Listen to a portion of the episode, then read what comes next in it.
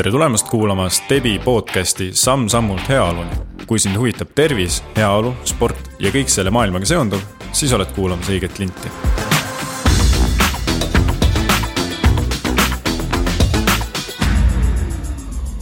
ja tere taas kuulama järjekordset Stebi Samm-sammult podcasti, mina olen Ott ja mul on hea meel tutvustada siin täna Jörgen Matsit, kes on nii coach, spordipsühholoog ning veab ka treenerina tuntud võitluskunstide klubi nimega Võimla, tere Jörgen. tere. kõige lihtsam on ikkagi sinu käest küsida kohe alguses, et kes on Jörgen Matsi sinu silmis ähm, see on äh, jube, jube keeruline küsimus, et mulle ise meeldib ka öelda, et need ongi kaks kõige tähtsamat küsimust on see, et äh, kes ma olen ja mida ma tahan. et neid võiks igaüks äh, endalt küsida võib-olla pigem natuke tihemini kui, kui harvemini ja, ja ma ei taha ennast kuidagi nagu mingi ühe asjaga kokku võtta, et sa nimetasid ära, ära need asjad, mida ma teen. ma ei arva, et need mind nagu defineerivad ainult, et tõepoolest, et mu suurim hobi juba siis sisuliselt kakskümmend aastat on äh, vedada võitlusspordiklubi pigem ütlen võitlusspordiklubi kui võitluskunstiklubi. ja, ja tõesti töö mõttes hetkel töötan IT-ettevõttes Pipedrive, äh, kus siis äh, senior personal coach on ametlik töötiitel, sisuliselt tegelen siis nõustamise ja tööpsühholoogia teemadega seal. ja kutse poolest samas olen spordipsühholoog, et äh, olen olnud spordipsühholoogias selles valdkonnas nagu mm, varasemalt siis õppejõuna tegev ja, ja, ja koolitanud treenereid ja, ja siis äh, nõustanud ka sportlaseid. seda viimast on küll viimasel ajal väga vähe, et võib-olla aastas kaks-kolm sportlast, mitte rohkem mm. -hmm. nii et tegelikult spordivaldkonnas oled näinud elu mõlemalt poolelt peaaegu, et äh, nii treeneri äh, nõuandja kui ka võib-olla mingil määral sportlase. jah, et, et see spordi tegemine võib-olla ühel hetkel oli päris suure osaga, eelkõige just siis, kui olin nagu kahekümnendate teises pooles, aga, aga isegi seal oli see võistlemine minu jaoks alati selline mm, noh, et ma tahtsin ise mõista nagu seda poolt ka just, et ma mõtlesin, et, et, et see teeb mind paremaks treeneriks, paremaks, paremaks psühholoogiks sportlastele. et see oli nagu see, mis mind seal, seal nagu tagant tõukas peamiselt mm. -hmm. aga mida sa hetkel teed näiteks oma tervise heaks igapäevaselt või, või kuidas, kuidas sina, sinu tervislik eluviis välja näeb hetkel äh, hetkel näeb see välja niiviisi, et esiteks ma üritan oma nagu sellise tervisega seotud harjumuste pärast stressata võimalikult vähe. et, et ma arvan, et vahel inimesed panevad endale pigem nagu liiga palju rõhku sellele, et üritatakse nagu üle pingutada või üle optimiseerida, tuntakse ennast halvasti, et oi, et ma sellel nädalal ei ole nüüd ühtegi korda jõusaali jõudnud, et. et see on nüüd maailma lõpp ja, aga tegelikult, kui me näeme, et selline süütunne või, või selline nagu äh, meelehärm tegelikult ei aita kuidagi, ainus, mis see teeb, on nagu, et teeb tuju nagu halvemaks või siis alternatiivina, et seda nagu toitumise suhtes, et oi, näed, et äh, kogu aeg käib peas see, et peaks hakkama tervislikumalt toituma, eks ju, aga, aga me ju näeme, et see enese nagu selline piitsutamine motiveerivana tegelikult ei tööta. et siis äh, mina ka üritan pigem hetkel nagu lahti nendest äh, lasta, et, et mitte endaga pahandada, kui ma jõuan trenni näiteks ühe korra nädalas, mis eelmine nädal täpselt juhtuski, et jõudsin esimest korda, esimest korda matile pühapäeval ja, või, või siis, et kui, kui toitumine ei ole olnud ideaalne, siis ma ka ei, ei stressa selle pärast ja, ja kuhu nagu fookust panna, on tegelikult see, et arvestades, et mul on äh, kolm last, kellest kõige väiksem on kuuene, et, äh, et, et nad on ikkagi veel suhteliselt noored. ja, ja päris palju läheb aega nagu nendega majandamise peale ka. siis äh, pigem ma üritan endale, esmatähtis on meelde tuletada seda, et pigem minna magama natukene varem kui hiljem. ja, ja juua klaasike vett rohkem kui, kui, kui, kui see, et, et ainult kohvi juua näiteks.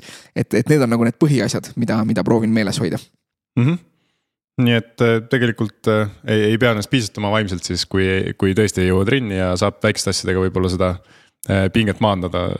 ja, et kui need väiksed asjad on paigas, et, et see on hästi-hästi mm. tihti, et ma tegelikult, kui ka nõustamises tulevad kliendid, kes või, või niisama tuleb keegi rääkima, et oo, et ta tunneb ennast nii halvasti, et nagu, et, et, et nagu ei ole trenni jõudnud, et noh, nagu siis ma küsingi, et noh, et aga, aga kuidas see süütunne siis sinu jaoks nagu töötab, on ju, et, et, et me näeme hästi paljudel juhtudel, et see süütunne ei ole nagu hea liikuma panev jõud. et ainus, mis see teeb, on see, et sa nagu mõtled oma elu üle järele ja siis sa tunned ennast nagu nende asjade juures, mis sa praegu teed, tunned ennast nagu veel õnnetumana. aga, aga see ei aita tegelikult alustada seda käitumist, mis, mis inimesel nagu sooviks on või mis seda süütunnet tekitab, et, et ma olen pigem nagu jah, selle poolt, et, et nagu noh, et, teed hetkes seda, mida sa suudad ja ja, ja ära põe selle söödud saiakese pärast. et mm, -hmm. et, et kui, kui sul oli eesmärk saada sealt sellest heast saiakesest nagu noh, enamikele meist ju maitsevad kaneelirullid, eks ju, et.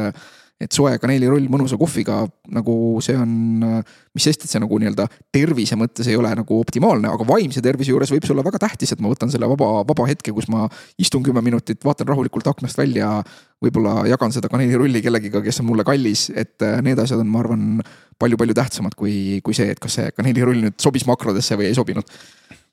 aga kas sa oled äh, muidu alati sellist mm, tervislikku mõtlemist, mõttemaailma või, või üldse tervislikku eluviisi järginud või, või noh, et kui sa ütlesid tippsporti või tugevamat sporti tegid kahekümnendate lõpus, et kas enne seda ka veel olid kindlad reeglid sinul, et eh, mida sa sööd või palju treenid või, või see hakkas nagu ajapikku alles tulema? no ma ütleme, selline tõsisemalt spordiga seotuks ma ikkagi hakkasin suhteliselt hilja nagu sellest mõtlema. et, et see oligi siis, kui tulin ülikooli ja, ja, ja see äh, spordiala, mis siis alguses oli Brasiilia jujitsu ja, ja siis sinna kõrvale tuli sportlik vabavõitlus ka. et äh, kuna need olid nagu hästi-hästi huvitavad, siis sellega seonduvalt ka kuidagi hästi loogiliselt minu jaoks tuli see nagu kuidas meie psühholoogia ja mõtlemine mõjutab ka toitumist, et, et mismoodi seal nagu parimaid parimaid tulemusi saada ja mitte parimaid tulemusi ainult selles tähenduses, et nüüd parima sportliku tulemuse, Äh, vaid, vaid hakkasin hästi palju lugema sellel ajal ka, sattusin kehakultuuri teaduskonda tööle psühholoogia õpingute kõrvalt, siis ka proovisin hästi palju rääkida nendega, kes nagu, äh, kes siis tegutsesid nagu näiteks biokeemia ja, ja sellistes valdkondades. et ma olen üritanud nagu hästi, hästi kursis olla sellega, et mis on sihuke mis on siis selline nagu moodne konsensus, ütleme, et, et, et nüüd ma olen juba piisavalt vana ka, et ma olen nagu näinud neid laineid, on ju, et kuidas mitu korda käib üle, et, et kord on süsivesikud halvad ja siis on rasvad halvad ja siis on jälle süsivesikud halvad ja siis on jälle rasvad halvad. et, et kuidas nagu mingid sellised trendid ja haip käib, et inimesed tahavad nagu mingeid lihtsaid, lihtsaid lahendusi, aga tegelikult on nagu see see nagu nii-öelda noh, inglise keeles öeldakse basics, eks ju, et, et see, mis on nagu see vundament või mis on need allolevad universaalid, et need ei ole tegelikult kunagi nagu ütleme sisulises mõttes väga keerulised, keeruline võibki olla see, et kuidas me siis seda oma elus nagu rakendada saad, saame, arvestades seda, et milline, milline see meie moodne keskkond on, et see võib hoopis nagu takistus olla. ja, ja kuna su küsimus oli nagu sellisest üldisest enda tervisest, et siis jah, see on, see on küll nagu huvitanud alati, et aga see ongi selline huvitav probleem olnud, mida lahendada. ja, ja seal on ka, olen jõudnud katsetada erinevaid asju, et loomulikult, kui kuna võistlesin kaalukategooriatega alal, eks ju, et siis tuli, siis tuli nagu toitumist jälgida selle poole pealt ka, eks ju, mis, mis jällegi teisest, teisipidi nagu ei ole kindlasti vaimsele tervisele hea. et või, või sellele, et kuidas luua nagu tervislikku suhet toiduga, et see, see on kindlasti üks nagu selliseid riske ja, ja, ja ma ei arva, et, et tegelikult oleks väga normaalne see, et sa jalutad poes ringi nagu tund aega kuskil ja vaatad neid asju ja imetled ja mõtled ja, ja siis nagu lõpuks paned selle ühe paki nagu fileesinki endale korvi ja. ja, ja siis jalutad koju, et et see ei ole tegelikult nagu vaimse tervise mõttes nagu optimaalne või hea viis, kuidas, kuidas elada. noh, loomulikult, mida meid liigina iseloomustab, ongi see, et, et me nagu kultuuris saame otsustada, teha mingeid asju, mis ei, mis ei olegi nagu tegelikult kasulikud või tervislikud, et. et, et võime teha midagi nii, nii rumalat nagu otsustada ennast siis mingiks võistluseks mingisse kaalukategooriasse viia ja, ja, ja siis teha nagu võistlemise mõttes ka võib-olla, mis. mis tundub nagu imelik, eks ju, mis, mis paljude inimeste jaoks siiamaani nagu see, et sa paned ennast nagu teise inimesega võrkaiaga puuri ja, ja, ja siis nagu klobite üksteist, et, et, et seda on paljudel siiamaani raske spordina võtta, aga, aga näed, mõned inimesed teevad ja mõned inimesed võtavad, et. jah, aga äh, kui palju sa noh, et enda tegelikult sellist äh, heaolu ja tervislikku toitumist sa nagu oled teadvustanud kogu aeg äh, ja tead, et võib ka nagu vahepeal nii-öelda näpistada kõrvalt, kui vaja et kui see aitab muud moodi, aga psühholoogi ja coach'ina, et kui palju sa üldse näiteks suunad inimesi mõtlema tervisele või, või kas, kas sellega nagu mõnel, mõne inimese puhul saabki palju ära teha, et, et see ongi tema elus puudu, et tervislik eluviis või mõtlemine või midagi sellist? ma arvan, et mingis lõikes on see meie kõigi jaoks oluline kuskilt, aga, aga see, kui palju see seondub identiteediga, see siis nagu varieerub, eks ju.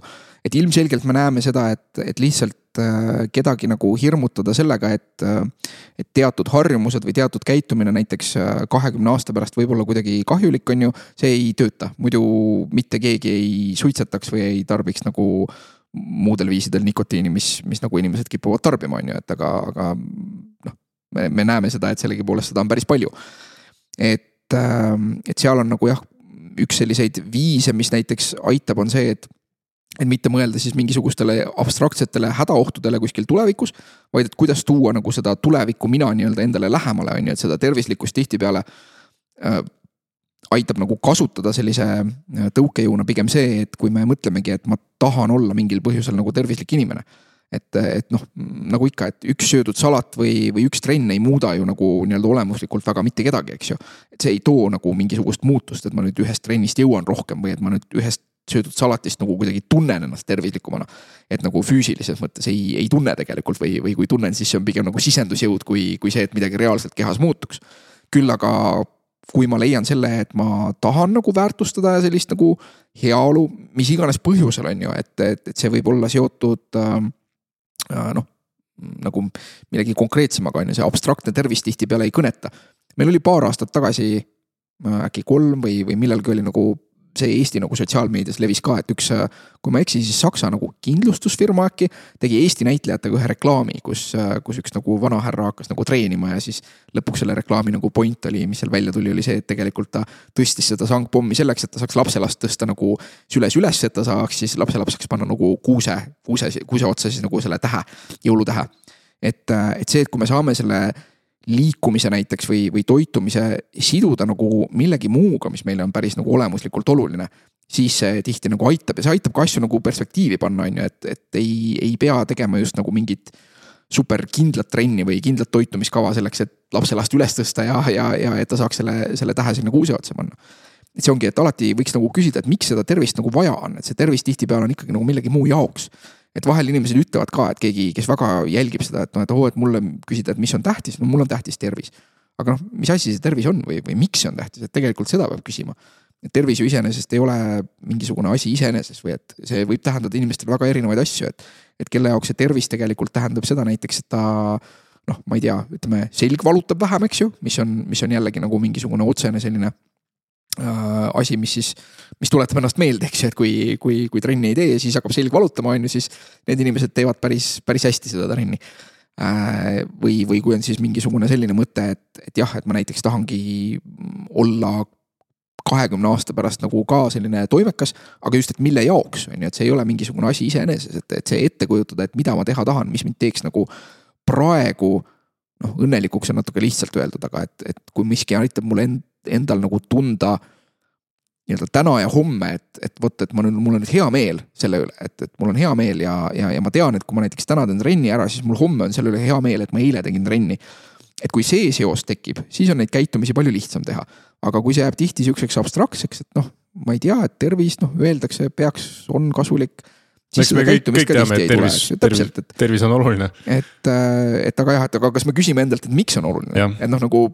ja kas me seame võib-olla väikeseid eesmärke just selle jaoks, et kui sa ütledki, et noh, homm-, homseks saab olla eesmärk, et kui ma täna käin ära, siis homme on parem olla, siis just, just. käegakatsutav ajaraam isegi tegelikult. just ja sellise, selliste eesmärkide seadmine võib väga hästi töötada, aga seal peab olema taga nagu mingisugune suurem miks et mm, -hmm. et see on tihtipeale, miks inimesed fail ivad, noh näiteks nende uusaasta eesmärkidega, eks ju, et tuleb, et oh okei okay,, et ma nüüd ma ei tea, et kaine jaanuar või, või, või, või mingisugune, et ma nüüd selleks suveks ajan ennast paremasse vormi. aga kui seal ei ole tegelikult noh, et, et kui ei küsita seda, et noh, et miks, miks mul on vaja saada suveks paremasse vormi, et. et eelmisel suvel ka käisin rannas, sain hakkama, sotsiaalsed suhted on head. noh, siis, siis tegelikult ei olegi nagu põhjust, see, see, see, see miks on nagu puudu, et, et see on üks asi, mida kui nüüd küsida, et mida soovitada inimestele, et, et selleks, et sihuke eesmärkide seadmine ja, ja tervisele keskendumine paremini võiks töötada. siis jah, et üks, millest me juba enne rääkisime, on ju, et, et enese süüdistamisest enamasti väga kasu ei ole. nii et, et, et kui, kui sa tegid midagi, mis on nii-öelda nagu jutumärkides kahjulik, aga, aga, aga sa tahtsid seda teha, see pakkus sulle midagi olulist, siis seal ennast süüdistada ekstra seda pole vaja, pigem nagu võta vastu see nauding, mis sa said.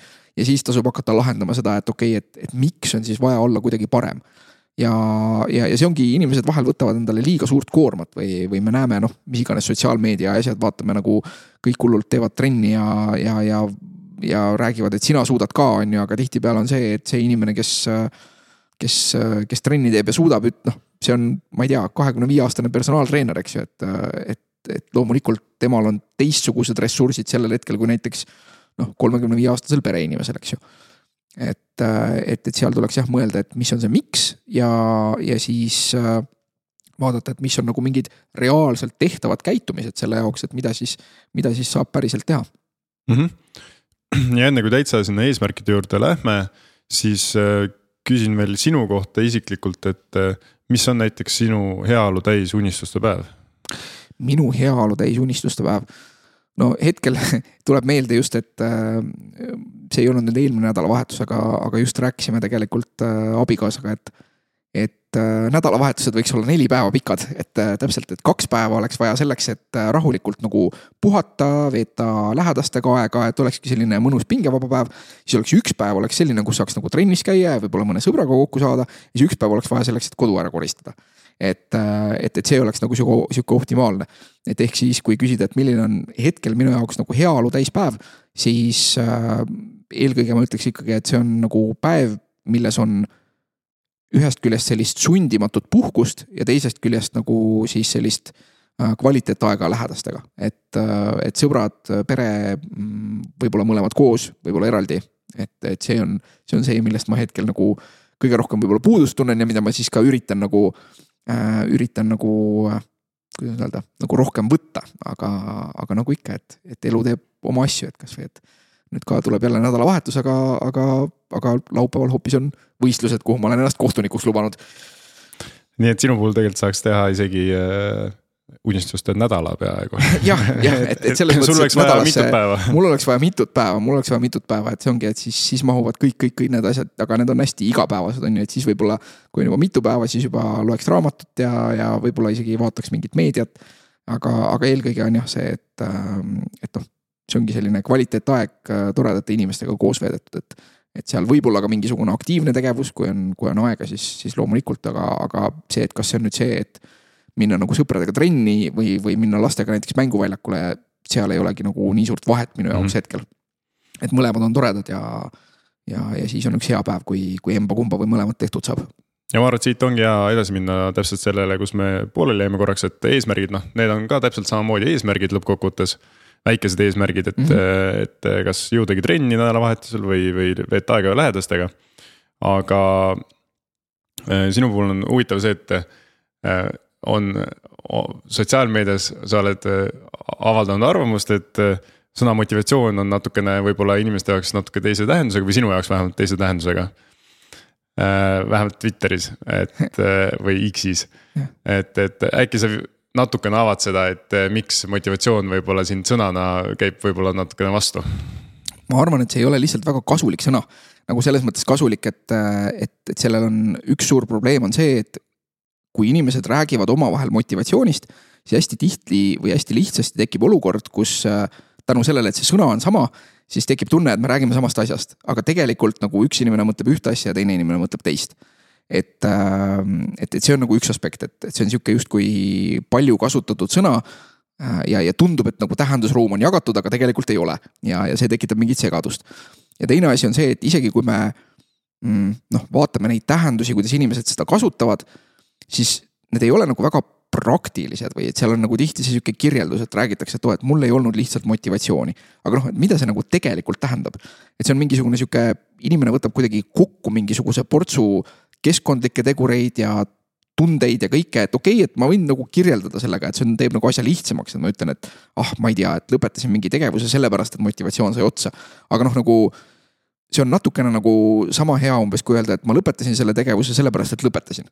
et seal ei ole nagu mingit uut informatsiooni tegelikult ja sellest tulenevalt ka see ei ole nagu rakenduslik, et noh, minu meelest, kui me noh, kui, kui seda võtta nagu näiteks, et ma tahaks midagi alustada või, või, või tahaks midagi taasalustada siis nagu see, kuidas me sellest räägime, võiks nagu kuidagi aidata kaasa siis sellele, et me päriselt selle probleemi nüüd ära lahendame. aga, aga, aga see tihti nagu ei, ei aita, vaid see on nagu sihuke noh, inglise keeles on dead end, eks ju, et, et me ei olnud noh, okei okay,, et hea küll siis, et motivatsioon sai otsa, et mida see siis nüüd tähendab. praktikas nagu, kui vaadata kuidas uuringutes või nagu teadusmaailmas õpikutes räägitakse, et siis motivatsioon tähendab lihtsalt eesti keeles tegelikult mulle hästi meeldib see sõna, aga keegi ei kasuta. Eesti keeles on sõna ajejõud et jõud, mis ajendab, eks ju. et tegelikult see ongi see, et, motivatsioon on see, mis siis nagu või, või need asjad, tegurid, mis siis lõpuks nagu panevad mingit käitumist algatama ja siis määravad, kui kaua see kestab või millal see lõpeb, on ju. mis tähendab, et see ongi selline hästi üldine asi, aga see, kui me seda niiviisi võtame, siis see näitab, et praktikas me peaks alati hakkama sinna sisse vaatama, et millest see nagu koosneb et, et milline see olukord siis on, millised on selle inimese mõtted, tunded, kui me räägime sisemistest teguritest. et noh, klassikaline, et, et ju kui me võtame mingi trenni käitumise on ju, et siis kui sõber ütleb, et davai, et kuule, et aja ennast diivanilt püsti ja lähme nüüd on ju. et siis inimesed ütlevad, et jah, et siis on nagu lihtsam minna, on ju. et, et, et siis ei ole mitte see, et noh, pole kasulik mõelda, et ah, et nüüd tekkis motivatsioon vaid saabki vaadata, et ahah, et kui olukord on sihuke, et sõber ütleb, et lähme ja siis minnakse, on ju, siis, siis see sõber ongi see oluline tegur, eks ju. et seal ei ole nagu see sõna motivatsioon kasutamine ei anna nagu mingit lisaväärtust või lisainfot selle kohta. ja, ja, ja seetõttu ma seda nagu väga ei salli ja, ja lisaks on veel igasuguseid kummalisi asju, et vahel inimesed nagu vastandavad näiteks nagu distsipliini ja motivatsiooni. oo, et okei okay,, et, et motivatsioon on nagu üks asi ja distsipliin on nagu teine asi, aga noh, tegelikult on see, et kui inimene nagu teeb midagi ja ta arvab, et ta on nagu ajendatud distsipliinist. noh, siis see ongi tema motivatsioon. eks ju, see, see ongi see, et, et see ei ole mitte see, et nüüd nagu ta on, ta on juhitud nagu mingist kvalitatiivselt täiesti teisest asjast, et jällegi, et ta on leidnud viisi, kuidas mõelda ja kuidas enda elu kujundada, sest kui me mõtleme, et mis asi see distsipliin on, on see, et okei okay,, et ma proovin endale luua harjumust. ma mõtlen, et miski on nagu oluline, et see on tähtis, et ma nii-öelda viin nagu selleni, et see mõttepilt on siis selline, mis näiteks aitab teha asju, mis äh, võib-olla ei ole meeldivad, on ju. et, et näed, et mul on see distsipliin, et ma lähen sihukese ilmaga nagu praegu on, et täitsa hall on, aga näed, et lähen ka õue jooksma näiteks, et oh, et küll see on distsipliin. aga noh, tegelikult see on ka motivatsioon, on ju, et see inimene viib ennast selles olukorras sellesse, sellesse nagu seisundisse, et ta lõppkokkuvõttes läheb et, et nagu seal ei ole minu meelest õige nagu seostada motivatsiooni ainult nende asjadega, et oo, et see on kuidagi meeldiv või et mul on mingisugune hullult hea tunne kogu aeg. sellel distsipliini inimesel on tõenäoliselt pärast seda tegevust näiteks päris hea tunne, et näed, et ma nüüd olen see distsiplineeritud inimene, on ju, et, et nagu ma, ma tegin selle asja ära, eks ju et, et, et see ei ole ainult üks suur hädaorg, et ta võib, võib-olla aitab teda see, et ta mõtlebki, et näed, et ma olen nii kõva mees, on ju, et ma või, või naine on ju, et ma käin, mul on distsipliin. aga, aga noh, see tegelikult ei erista, et seal ei ole nagu minu arvates nagu sellist põhimõttelist vahet nagu sellise mõttepildi vahel või siis selle vahel, et oh, et ma nüüd läksin jooksma ja see on nii tore ja hea. et see on, need on, need on mõlemad nagu ju mingid viisid, kuidas inimesed ennast motiveerivad ja need võivadki olla erinevatele inimestele erinevad. et, et jah, et see on minu sihuke sihuke nagu okas selle, selle motivatsioonisõnaga, et, et see enamasti nagu diskussioonides ei too midagi juurde, vaid pigem vastupidi, nagu pigem paneb mingisuguse ploki kuskile, et me ütleme, et põhjus on milleski arusaamatus asjas ja me ütleme lihtsalt, et see põhjus on seal. et see ei aita kuidagi ja, ja teine asi on siis see, et, et tegelikult üldse tihti üks inimene räägib ühest asjast, et üks räägib mingist nagu hedonistlikust naudingust näiteks versus nagu harjumusest. ja, ja seal ka see motivatsioonisõna nagu ei anna eraldi midagi, midagi nagu juurde mm. -hmm ma arvan, et mina ja kõik, kes kuulavad, said nüüd palju targemaks selles osas, et tõesti eh, motivatsioon. Eh, noh, me kasutame seda sõna ka tegelikult väga kergekäeliselt võib-olla. ja, ja seal taga ongi eh, alati ju või tihtipeale miks küsimus, et mik-, miks mul tekkis see, noh, et kas mul tekkis vaba aeg, et minna õue jalutama, et mitte mul tekkis motivatsioon. et, et mingi just. põhjus on seal taga kindlasti olemas. just, et, et, et see noh, ongi, et ma soovitan alati, et, et see ei ole nagu noh, ma ei ole mingisugune sõnapolitsei või ma ei ütle, et ei võiks nüüd seda sõna kasutada, loomulikult võib. aga, aga see on just, et kui me tegeleme nagu mingi praktilise probleemi nagu lahendamisega, et me tahaks, et midagi oleks kuidagi teistmoodi või me, või me ka tahame teisest inimesest näiteks paremini aru saada et, et kui siis nagu kas ise või, või tema nagu kirjeldab nagu midagi sõnaga motivatsioon, on ju, et siis tasub alati edasi küsida, et mis, mis asi, et, et proovime nüüd lahti pakkida, et millest see, millest see nii-öelda motivatsioon selles olukorras siis nagu koosneb. on ju, et mida, mida see inimene mõtles, mis, mis olid nagu mingid keskkondlikud tegurid, mis teda kas siis nagu aitasid või takistasid ja. ja, ja, ja niiviisi saab see pilt selgemaks, kasvõi lihtsalt info mõttes ja, ja siis seda infot saab juba kasutada selleks, et praktilisemalt midagi nagu teistmoodi teha mm. -hmm, just, aga nüüd oletamegi, et mul on äh, tekkinud sisemine siis äh, ajajõud äh, kuhugi jõuda. Äh, võtame näiteks spordis, et inimesed ta, tavaliselt võtavad eesmärgiks, et ma ei tea, tahan kümme kilomeetrit katkematult joosta mm. -hmm. praegusel hetkel ma seda oletama ei suuda, et kuidas seda mentaalselt nagu hakata lahti mõtestama, et, et noh, sinna on tegelikult ju päris pikk teekond mm. -hmm. ja nagu me rääkisimegi, et noh, eesmärgid võib-olla võiks olla käegakatsutavad ja miks aga et eh, kust alustada, ütleme, kui inimene, tal on tegelikult olemas peaaegu käegakatsutav eesmärk, aga ta ei tea veel, kust see esimene samm ära teha mm. -hmm. no esiteks ongi see, et, et see nii-öelda, et miks'i peale võiks ikka mõelda, on ju, et, et mispärast see kümme kilomeetrit on tähtis, on ju. et, et kui inimene ka tunneb, et oo oh,, et mul justkui on, ütleme siis ta kasutab seda sõna, et mul on nagu motivatsioon see kümme kilti nagu katkematult joosta. On ju, et siis, siis tegelikult ka see, et okei okay,, et pakimegi lahti, et miks. on ju, et noh, siis võib tulla sealt see, et näed, et ma praegu mõtlen, et ma olen nõrk näiteks, on ju et, et mis on see, et ahaa, okei okay,, et mul on nagu vaade endale, et ma ei ole selline, nagu ma tahaks olla, on ju. Need on mingid mõttepildi osad, on ju, see on täiesti fine, nagu võibki olla niiviisi, et ma ei ole lihtsalt endaga rahul, on ju. et, et see aitabki tagada seda, et ahaa, et mul nagu sisemine rahulolematus on mingisugune siis nagu sihuke tõukav nagu mõte või et sealt tekib siis mingi ebameeldiv kripeldus, on ju, mis siis mis siis mind paneb võib-olla nagu näiteks jooksma minema ja, ja siis, kui sealt tekib nagu see eesmärk, et see miks on nagu vastatud, on ju, see on see sisemine rahulolematus. tundub käegakatsutav, tundub mõistlik, eks ju, et okei okay,, et, et, et joosta järjest kümme kilomeetrit või joosta järjest tund aega, on ju, mis on sihuke. noh, hea nagu sihuke keskmine, millest alustada. siis tasuks see jagada nagu juppideks. on ju, et, et võttagi, mulle endale meeldib nagu niinimetatud eesmärkide, et eesmärkide puhul, kui see miks on vastatud, siis mulle meeldib nagu nii-öelda, keegi nimetas seda nagu redeli metoodikas või ma ei, ma ei mäleta, kust ma selle sain et kui sa määrad nagu mingisuguse eesmärgi äh, nagu ajas ära, sest tegelikult eesmärk iseenesest ei olegi mitte midagi muud, kui lihtsalt nagu mingisugune tulevikus kirjeldatud seisund, mis on teistsugune kui praegu. et, et see on kõik, mis eesmärk on, ükskõik missugune, et kui, kui, kui seis on praegu selline, nagu ma tahan, et oleks, siis ei olegi eesmärki mm., siis see on nagu täidetud, on ju.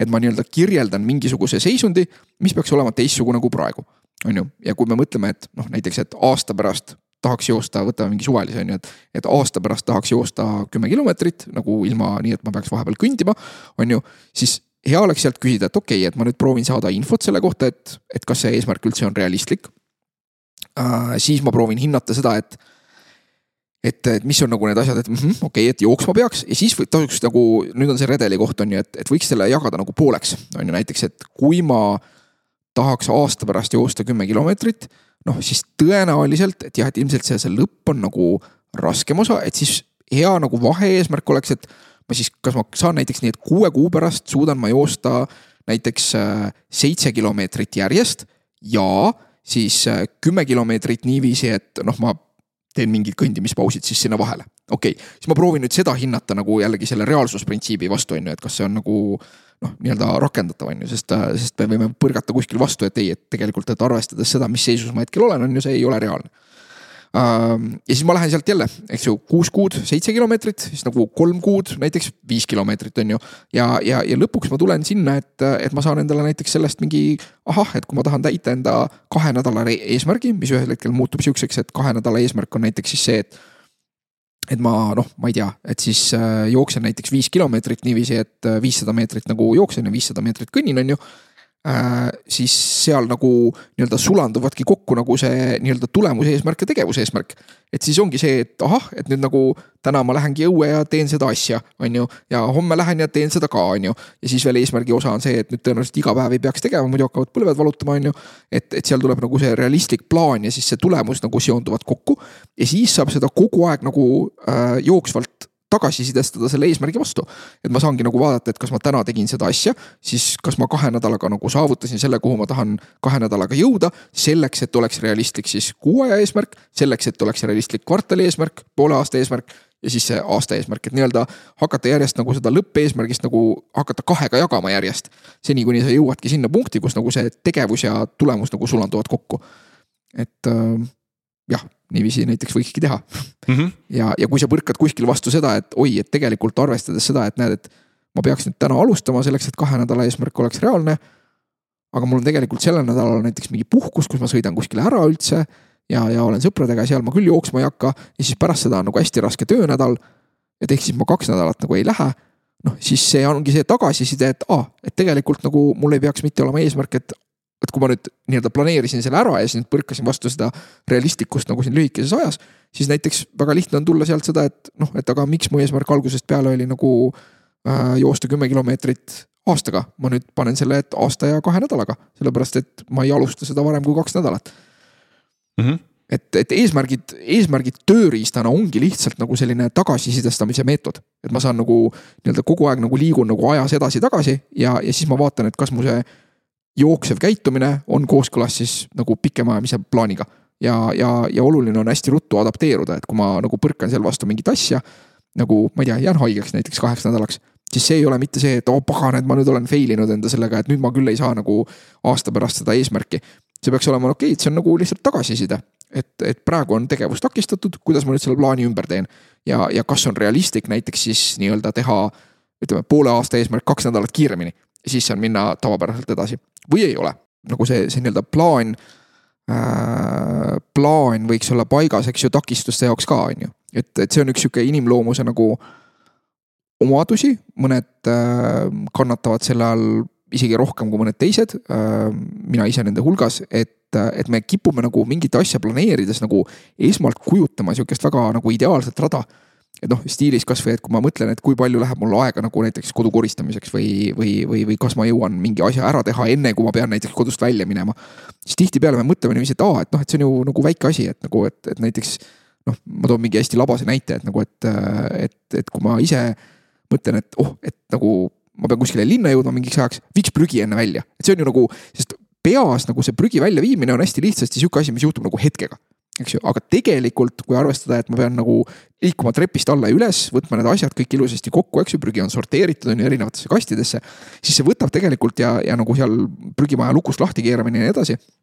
et see võtab võib-olla kokku mingisugune nagu noh, viis kuni kümme minutit aega, see kogu protsess eks ju, ja, ja kui ma ei mõtle selle peale, siis hästi lihtne on näiteks äh, hakata seda tegema ja selle tulemusena näiteks kuskile kohtumisele kümme minutit hiljaks jääda.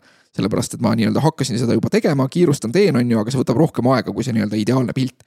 et selle tõttu nagu sellise aja planeerimise juures selline noh, ütleme esimene asi, mida peaks tegema, on see, et mõelda tagasi äh, ja see on ka seotud spordi eesmärkidega, et mõelda tagasi, et kuidas eelmine kord läks on ju, see on see klassikaline, et kui keegi mõtleb, et oh, ma nüüd selleks hooajaks nagu ajan ennast ilusasti vormi, on ju.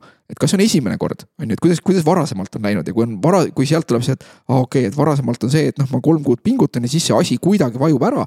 siis peaks olema esimene küsimus on see, et, et miks, miks peaks seekord minema teisiti et kas ma teen midagi teisiti selleks, et seekord läheks teisiti. sest kui ma teen kõik täpselt samamoodi, siis tõenäoliselt läheb täpselt samamoodi.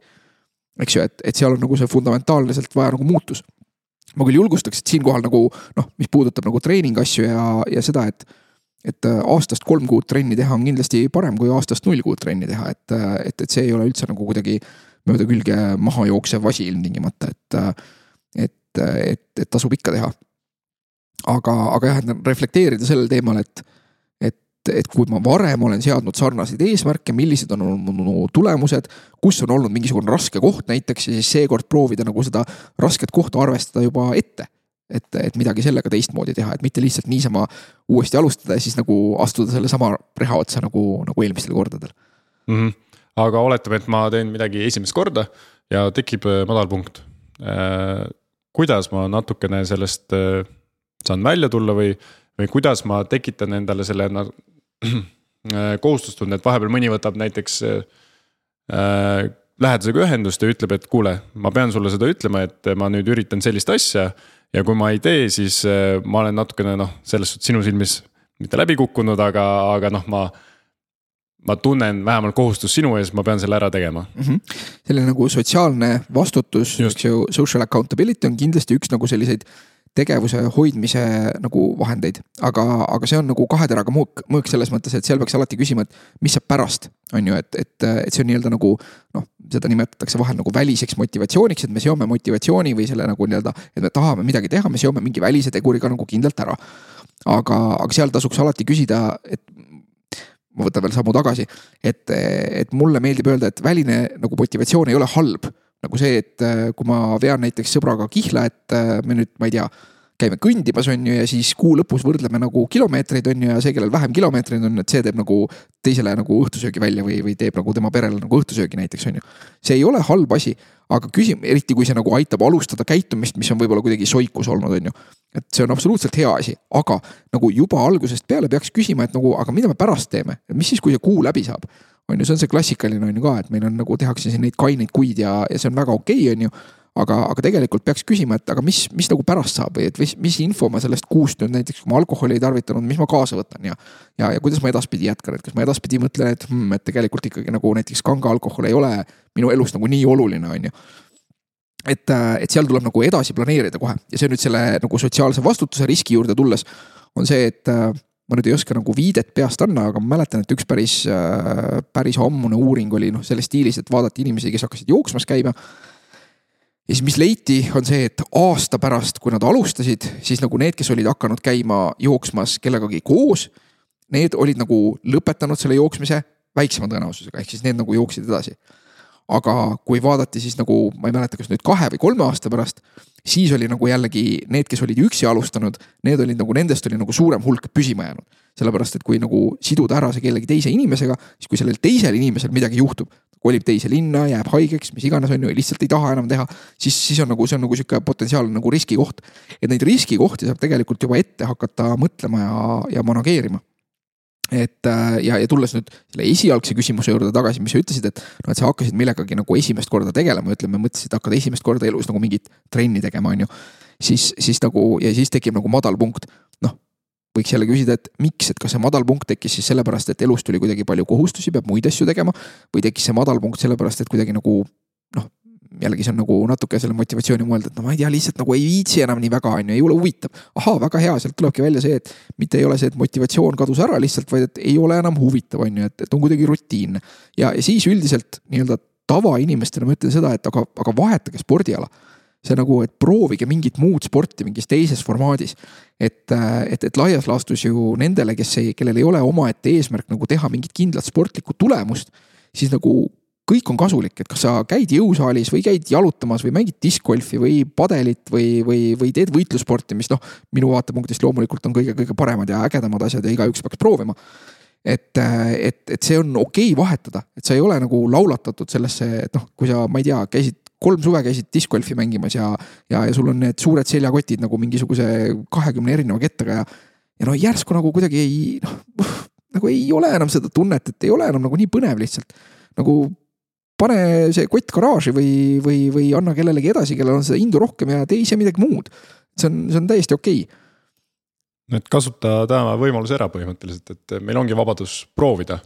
päris, päris paljusid asju. et, et, et see ei ole kuidagi kohustus, et üldises plaanis on, mis on tähtis, on see, et me, me liigume, on ju, et, et sellises nii-öelda linnastunud keskkonnas me üldiselt liigume üldse vähem, et seetõttu nagu võiks ka mõelda sellise igapäevaliikumise peale, et kas ikkagi on võimalik luua mingit harjumust, et käia liftist vähem või, või vähem autoga sõita, et, et see on nagu üks aspekt. ja teine asi, et leida enda jaoks liikumisviise, mis oleks kuidagi kütkestavad ja mis sobiks selle ülejäänud eluga. ja, ja see on täiesti loomulik, on ju, et kui, kui keegi, ma ei tea, käis äh, sõpradega kossu mängimas kaks korda nädalas, on ju. ja, ja see on, ütleme mm, noh, õhtul mingisugusel kellaajal, eks ju.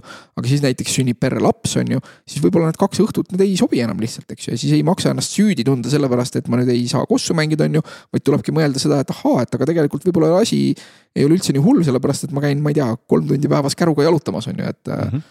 et, et, et tegelikult nagu see üld, üldaktiivsus on päris hea ja, ja kui tulla nagu sellesse tervise teemasse tagasi, et siis mulle hästi meeldib selline see jaotus, et. et esiteks nagu laialt mõeldes, siis nagu Maailma Terviseorganisatsioon jagab nagu tervist äh, vaimseks terviseks, kehaliseks terviseks ja sotsiaalseks terviseks. et, et see on nagu see, et kas me, kas me tunneme ennast hästi, kas me tunneme, et me oleme noh, nii-öelda võimekad vastavalt sellele, mida meie võimekus võiks lubada nendes kol kõigis kolmes valdkonnas. et see ei ole ainult see, et ma nüüd, kas ma nüüd olen tugev, on ju, või, või, või kas mul on kurba tuju liiga palju või kahtlustan, et ma nüüd olen näiteks depressioonis. aga need kõik omavahel nagu põimuvad, on ju, et tulebki vaadata, et kas mul on ümber inimesi, kellega koos ma teen mingeid asju, mis pakuvad mulle ütleme siis sellist nagu äh, noh, heaolutunnet, mis siis omakorda on nagu see vaimse tervise sihuke aspekt, on ju. et, et meie mingit tähendusrikkust on ju, et kas ma nii-öelda nagu funktsioneerin vaimses mõttes, kehalises mõttes ja, ja sotsiaalses mõttes. ja, ja siis nüüd sellesse kehalisse aspekti tulles, et kui me räägime liikumisest kehalise tervise jaoks siis, siis mulle jällegi meeldib sihuke kolmene jaotus, et me võime vaadata, et on nagu mingisugune aeroobne nagu võimekus on ju ja me teame, et aeroobne võimekus teatud maani on selgelt nagu noh, hea, eks ju et äh, siis on äh, jõud lihasjõu tähenduses ja, ja lihasjõud on ka selgelt hea, eks ju, et ükskõik, kas me oleme kakskümmend või kaheksakümmend on ju, et kunagi ei ole hilja hakata ennast tugevamaks treenima ja sellest on kasu. eks ju, aga kolmas aspekt on mäng.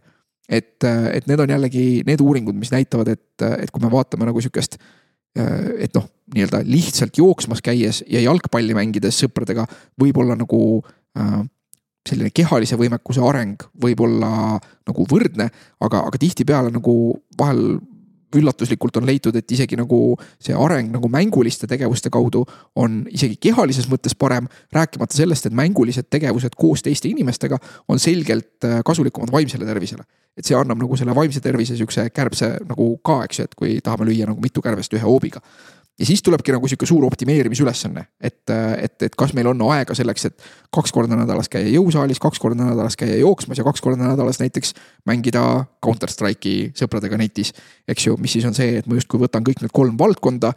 aga noh, mul läheb selleks kokku nagu ütleme siis mingisugune kaksteist tundi näiteks, on ju või siis nagu mul on võimalus teha mingit mängulist spordiala, mis on ka piisavalt intensiivne nii aeroobses kui äh, nagu jõu mõttes jõu vastupidavuse mõttes.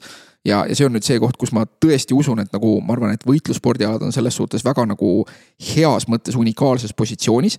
sest äh, noh, selleks, et sõpradega jalgpalli mängida täiskasvanu eas, noh, päris raske logistiline ülesanne nagu, et äh, et, et siuksed palli ja reketispordid enamasti on ikkagi vajavad natukene korraldamist, et jah, et noh, sulgpalli mängima minna kellegi ühe sõbraga saab tehtav, eks ju, et aga, aga seal ka nagu sihuke aeg ja, ja, ja raha ja kõik, mis sinna läheb. et, et võitlusspordialad just nagu mänguliste spordialade kontekstis, siin ei ole nüüd vahet, kas me räägime nüüd nagu noh, poksist või kick-poksist või judost või jujitsust et, et need on suhteliselt odavad selles mõttes, need on alati teiste inimestega koos, aga samas sa võid sinna trenni minna jumala üksi, et sa ei pea nagu ise korraldama seda, et, et seal, et need teised inimesed nagu ka tuleks ja, ja, ja lõppkokkuvõttes on, on need nagu noh, samasugused sportmängud nagu, et kas me lööme nagu äh, Äh, palli üle võrgu või, või lööme nagu kindaga üksteisele vastu nina, on ju, et äh, noh, minu jaoks tasub neid võtta ühtemoodi nagu sportmänguna. et, ähm, et, et selles suhtes on nagu võitlusspordialad ägedad mm. -hmm. et löövad nagu kõik need kärbsed, et, et saab, saab võhmale ja saab teistega koos ja on mänguline ja, ja, ja, ja saab nagu plahvatuslikkust ja jõudu ka arendada.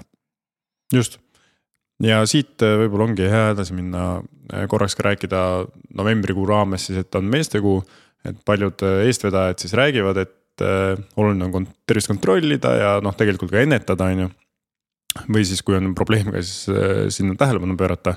aga mis on sinu personaalne arvamus Eesti meeste tervisest um,?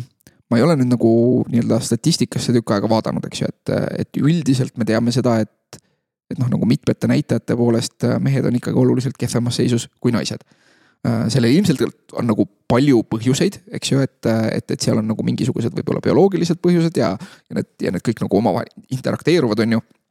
et, äh, et, et noh, see, miks meeste keskmine eluiga näiteks on oluliselt madalam, et seal on põhjused ka selles, et võib-olla noored mehed kipuvad oma eluga nagu oluliselt lihtsamini riskima võrreldes naistega on ju, et, äh, et, et mis on nagu kurb, aga, aga seal jälle omakorda, et jah, et võib-olla on mingisugune bioloogiline põhjus nagu näiteks mingisugune kõrgema testosterooni taseme näol. aga seal tuleb vastu ka nagu selline kultuuriline komponent on ju, et kus võib-olla me nagu kultuurina nagu ei, ei piira või ei reguleeri piisavalt hästi nagu neid äh, ajaveetmistegevusi, mida näiteks noored mehed omavahel koos teevad ja, ja loodus, lood, loodetavasti see võib-olla läheb nagu ajas paremaks natukene, et, äh, et, et võib-olla ei ole nii oluline, et, et kõva mees on see, kes tundmatus kohas peaga ees vette hüppab, eks ju um,. vaimse tervise kohast ka, et, et, et samamoodi nagu Eestis, Eestis samamoodi nagu mujal on ju, et, et, et selline noh, näiteks sõltuvushäirete risk on meestel oluliselt suurem. et, et jällegi hästi keerulised probleemid, et, et ilmselt mitmete, mitmete põhjustega, et sinna, sinna tasuks nagu tähelepanu pöörata. ja, ja ma arvan, et siin jällegi spordil on selline unikaalne, äh, unikaalne roll selles mõttes, et äh, kui me võtame selle eelduse, et kultuur teeb nagu meestele natuke karuteene läbi selle, et et kuidas õpetatakse mehi hoidma sotsiaalseid suhteid ja millised need sotsiaalsed suhted täpselt on, eks ju, noh alustades sellest, et. et äh, noh, et kukkusid põleveriseks, on ju, et pole hullu, on ju, et mehed ei nuta ja tõuse püsti ja mine edasi, on ju. ja, ja, ja võib-olla nagu hiljem ka, eks ju, et siis jällegi nii-öelda kultuur ja bioloogia tõenäoliselt interakteeruvad, aga ma arvan, et meil on kultuurina võimalus seda olukorda nagu paremaks teha.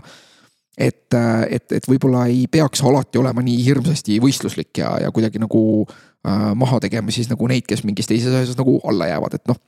ma võib-olla olen optimistlik, aga mulle tundub, et näiteks, mis puudutab nagu sellist äh, äh kasvõi nagu koolikiusamist ja seda, et siis selles osas asjad lähevad paremaks, et, et mulle tundub, et praegu on asjad oluliselt paremad, kui nad olid näiteks siis, kui mina koolis käisin et, äh, et, et võib-olla läheb paremaks, aga meil on veel arenguruumi. ja, ja nüüd sport on tegelikult, et kui me räägime nagu just nagu täiskasvanute harrastusspordist, siis äh, kui see spordikeskkond on hea, et noh, kui väga hirmus võistluslik ikka nagu seal noh, kolmekümne aastase harrastussportlasena nagu olla saab, et tõsi, saab olla väga, on ju, me näeme, et inimesed ka noh, treenivad ennast katki, sellepärast et nad on pähe võtnud, on ju, et nad, mis sest, et nüüd kolmekümne aastaselt otsustavad, et nad peavad nüüd mitusada kilomeetrit nädalas rattaga sõitma, eks ju, ja võib-olla ei ole kõige parem, on ju. aga, aga jällegi, mis puudutab nagu rühmatrenne ja, ja taaskord noh, siin on see disclaimer on ju, et ma ise olen selle ala evangelist ja, ja eestvedaja, eks ju, et ma arvan, et võitlusspordialad hea keskkonna puhul on nagu hästi head selleks, et sotsialiseerida nagu äh, mehi nagu koostöösuhetesse, turvalistesse koostöösuhetesse teiste meestega sellepärast et okei okay,, loomulikult võitlusspordist on see traditsiooniline nagu vaade on see, et oo, et tulevad mingid tüübid kokku ja panevad kindad kätte ja hakkavad üksteist nagu tümitama, on ju. aga see ei ole jätkusuutlik lihtsalt, selles mõttes selline klubi, noh ta saab funktsioneerida mingi aja, aga tõenäoliselt ei tule sealt ei häid sportlaseid ega ei jää sinna nagu normaalsed inimesed väga pikaks ajaks pidama, et nagu, et see seltskond, kes sinna siis pidama jääb, ei ole võib-olla nagu kõige, kõige toredam. aga, aga kui näha vaeva sellega, et okei okay,, et see on mingisugune spordiala, mida me nagu koos tahame kõik nagu paremaks saada ja areneda ja arvestame sellega, et seal on koos näiteks noh kahekümne viie aastane väga heade sportlikute eeldustega mees ja, ja kolmekümne viie aastane vormist väljas, kes viimati tegi nagu kehalises nagu trenni, on ju. ja nende ühine eesmärk on see, et nad saaks üksteisele aidata treenida selleks, et paremas, paremaks saada. siis tegelikult ma arvan, et see loob nagu väga sellise unikaalse keskkonna, kus, kus mehed nagu peavad üksteist usaldama ja peavad üksteisega arvestama ja, ja, ja kus ka nagu tuleb äh, paratamatult tuleb nagu äh, õppida toime tulema nagu enda haavatavustega, sellepärast et noh, nagu seal ongi see, et, et see kahekümne viie aastane peab ka nagu leidma üles selle koha, et mis tal on nagu nii nõrk. et ta saaks seda treenida koos selle kolmekümne viie aastase mittesportlasega. on ju, et see nõuab seda tunnistamist, sest kui ta lihtsalt nagu kogu aeg sellest kolmekümne viie aastasest nagu üle sõidab, on ju, siis ta ei õpi mitte midagi, eks ju. lisaks sellele, et siis see kolmekümne viie aastane tõenäoliselt läheb trennist minema, sellepärast et tal oli seal halb, eks ju. et, et, et seal tuleb nagu sihuke, sihuke huvitav nagu sotsiaalne moment juurde ja, ja, ja eriti, mis siin on veel, ma lõpuks seon siia külge nagu seal on see huvitav sihuke äh, evolutsioonipsühholoogiline hüpotees, mida ma kuskilt kuulsin. et äh, tegelikult inimliigina me vajaksime keskmiselt palju rohkem lähedust, kui me seda nagu kogeme igapäevaelus. eks ju, ja eriti, mis me näeme, on ju, et see noh, selline lääne ühiskonna nagu individualistlik meestekultuur on see, et noh, okei okay,, et, et, et nagu nii-öelda sõbrannadele juba on okei okay see, et kui nad näiteks nagu kallistavad, on ju, ja, ja kohtudes ja niiviisi. aga noh, meestel on seda ikkagi väga vähe, on ju, mõni teine kultuur on teistsugune. aga, aga sihukeses klassikaliselt ikkagi on see nagu ja, ja oletus on siis see, et see on üks nagu tegureid, mis mõjutab meeste vaimset tervist negatiivselt et me nagu nii-öelda evolutsiooniline jäänuk sellest ajast, kui noh, see kümne-viieteistkümne nagu kari magas kuskil koopas kõik üksteise otsas, et oleks lihtsalt soe. ja, ja see loob nagu seda turvalisust, et, et sellest jääb meil puudu ja, ja seda ju nagu meestel noh, et, et tegelikult ikkagi ei ole ju normaalne see, kui. ma mõtlen normaalne nagu selles tähenduses, kuidas, kuidas nagu mehed omavahel suhtlevad Äh, et, et see võiks olla palju normaalsem, et, et noh, ma ei tea, kui vaadata, vaatavad kaks meest, kes on sõbrad, vaatavad filmi, on ju. ja siis kuidagi nagu lihtsalt mugavusest nagu nõjatuvad üksteise peale, et noh, et enamasti see on ikka meestel sihuke nagu, et nagu kuidagi veider on, on ju. et aga, aga, aga võitlussport äh, noh, mis see muud on, kui üks sihuke agressiivne kallistamine, eks ju. et eriti, kui me räägime maadlusaladest nagu, nagu judo või maadlus või, või jujitsu, eks ju, mis, mis minu arvates on nagu hea nagu sihuke äh, punkt, millest alustada, eriti täiskasvanute jaoks et, äh, et seal on paratamatu see, et sa oled teistele inimestele, sealhulgas teistele meestele lähedal. ja loomulikult alguses see võib olla veider ja nagu pinget tekitav. aga see on jällegi see, et, et tänu sellele, et seal on mingi sihuke ühine sportlik eesmärk ja kõikidel on nagu noh, tegelikult ei, lõppkokkuvõttes on inimestel, kes trenni tulevad, on eesmärgiks nagu õppida seda huvitavat ala, eks ju siis sellega nagu harjub ära ja see on sihuke nagu koostöö ja, ja, ja et see võib-olla nagu nii-öelda mingile väga ürgsele osale meie ajust nagu pakub midagi väga olulist et me oleme nagu inimestele lähedal, aga see olukord on tegelikult nagu turvaline. et, äh, et see ei ole kuidagi nagu sihuke pinget tekitav, et, äh, et, et noh, harjume ära sellega, et saab teistel meestel nagu öö, äh, otsas aeleda ja, ja, ja et see on okei okay,, et see ei ole kuidagi, et see ei ole kuidagi nagu ei ole agressiivne tegelikult nagu selles agressiivne tähenduses, et. et me ei taha üksteist kuidagi nagu katki teha, on ju. see ei ole kuidagi nagu homofoobne otseselt või noh, et nagu, et selles mõttes, et noh kindlasti on trennis inimesi ka, kes, kes võib-olla nagu on erineva suhtumisega nagu, eks ju, aga, aga seal tuleb leppida sellega, et see, see ei ole nagu see, see lähedus ei ole kuidagi olemuslikult nagu seksuaalne. eks ju, ja, ja selle tõttu ka nagu ükskõik vahet ei ole, et oled sa seal nagu rullid mööda matti ringi nagu, et kas sul on paariliseks nagu mees või naine või noh, see ei ole selles situatsioonis absoluutselt oluline.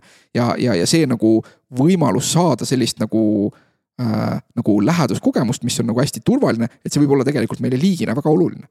ja, ja seda on meil liiga vähe mm. -hmm. nii et võib sisuliselt öelda, et äh, sinu soovitus meestele on võib-olla olla rohkem avatud ja, ja, ja proovida ka leida lähedust äh, sellistes kohtades näiteks. jah, jah, et see on, see on hea koht, kus alustada, et see on nagu selles mõttes väga mehelik koht, kus, kust nagu alustada mm, -hmm. eks ju. et võitlusspordialad on nagu olemuslikult pigem seostatakse nagu just nagu mehelikkuse ja, ja nende väärtustega, et, et, et me küll spordiklubina oleme hästi uhked ise selle üle, et meil on väga äh,, väga lahedad äh, naistepundid ka ja, ja kindlasti võrreldes ja, ja mis on nagu ütleme nii-öelda üle maailma või Eestis, et need on võrreldes nagu keskmise, keskmise võitlusspordiklubiga on meil naisi kindlasti rohkem.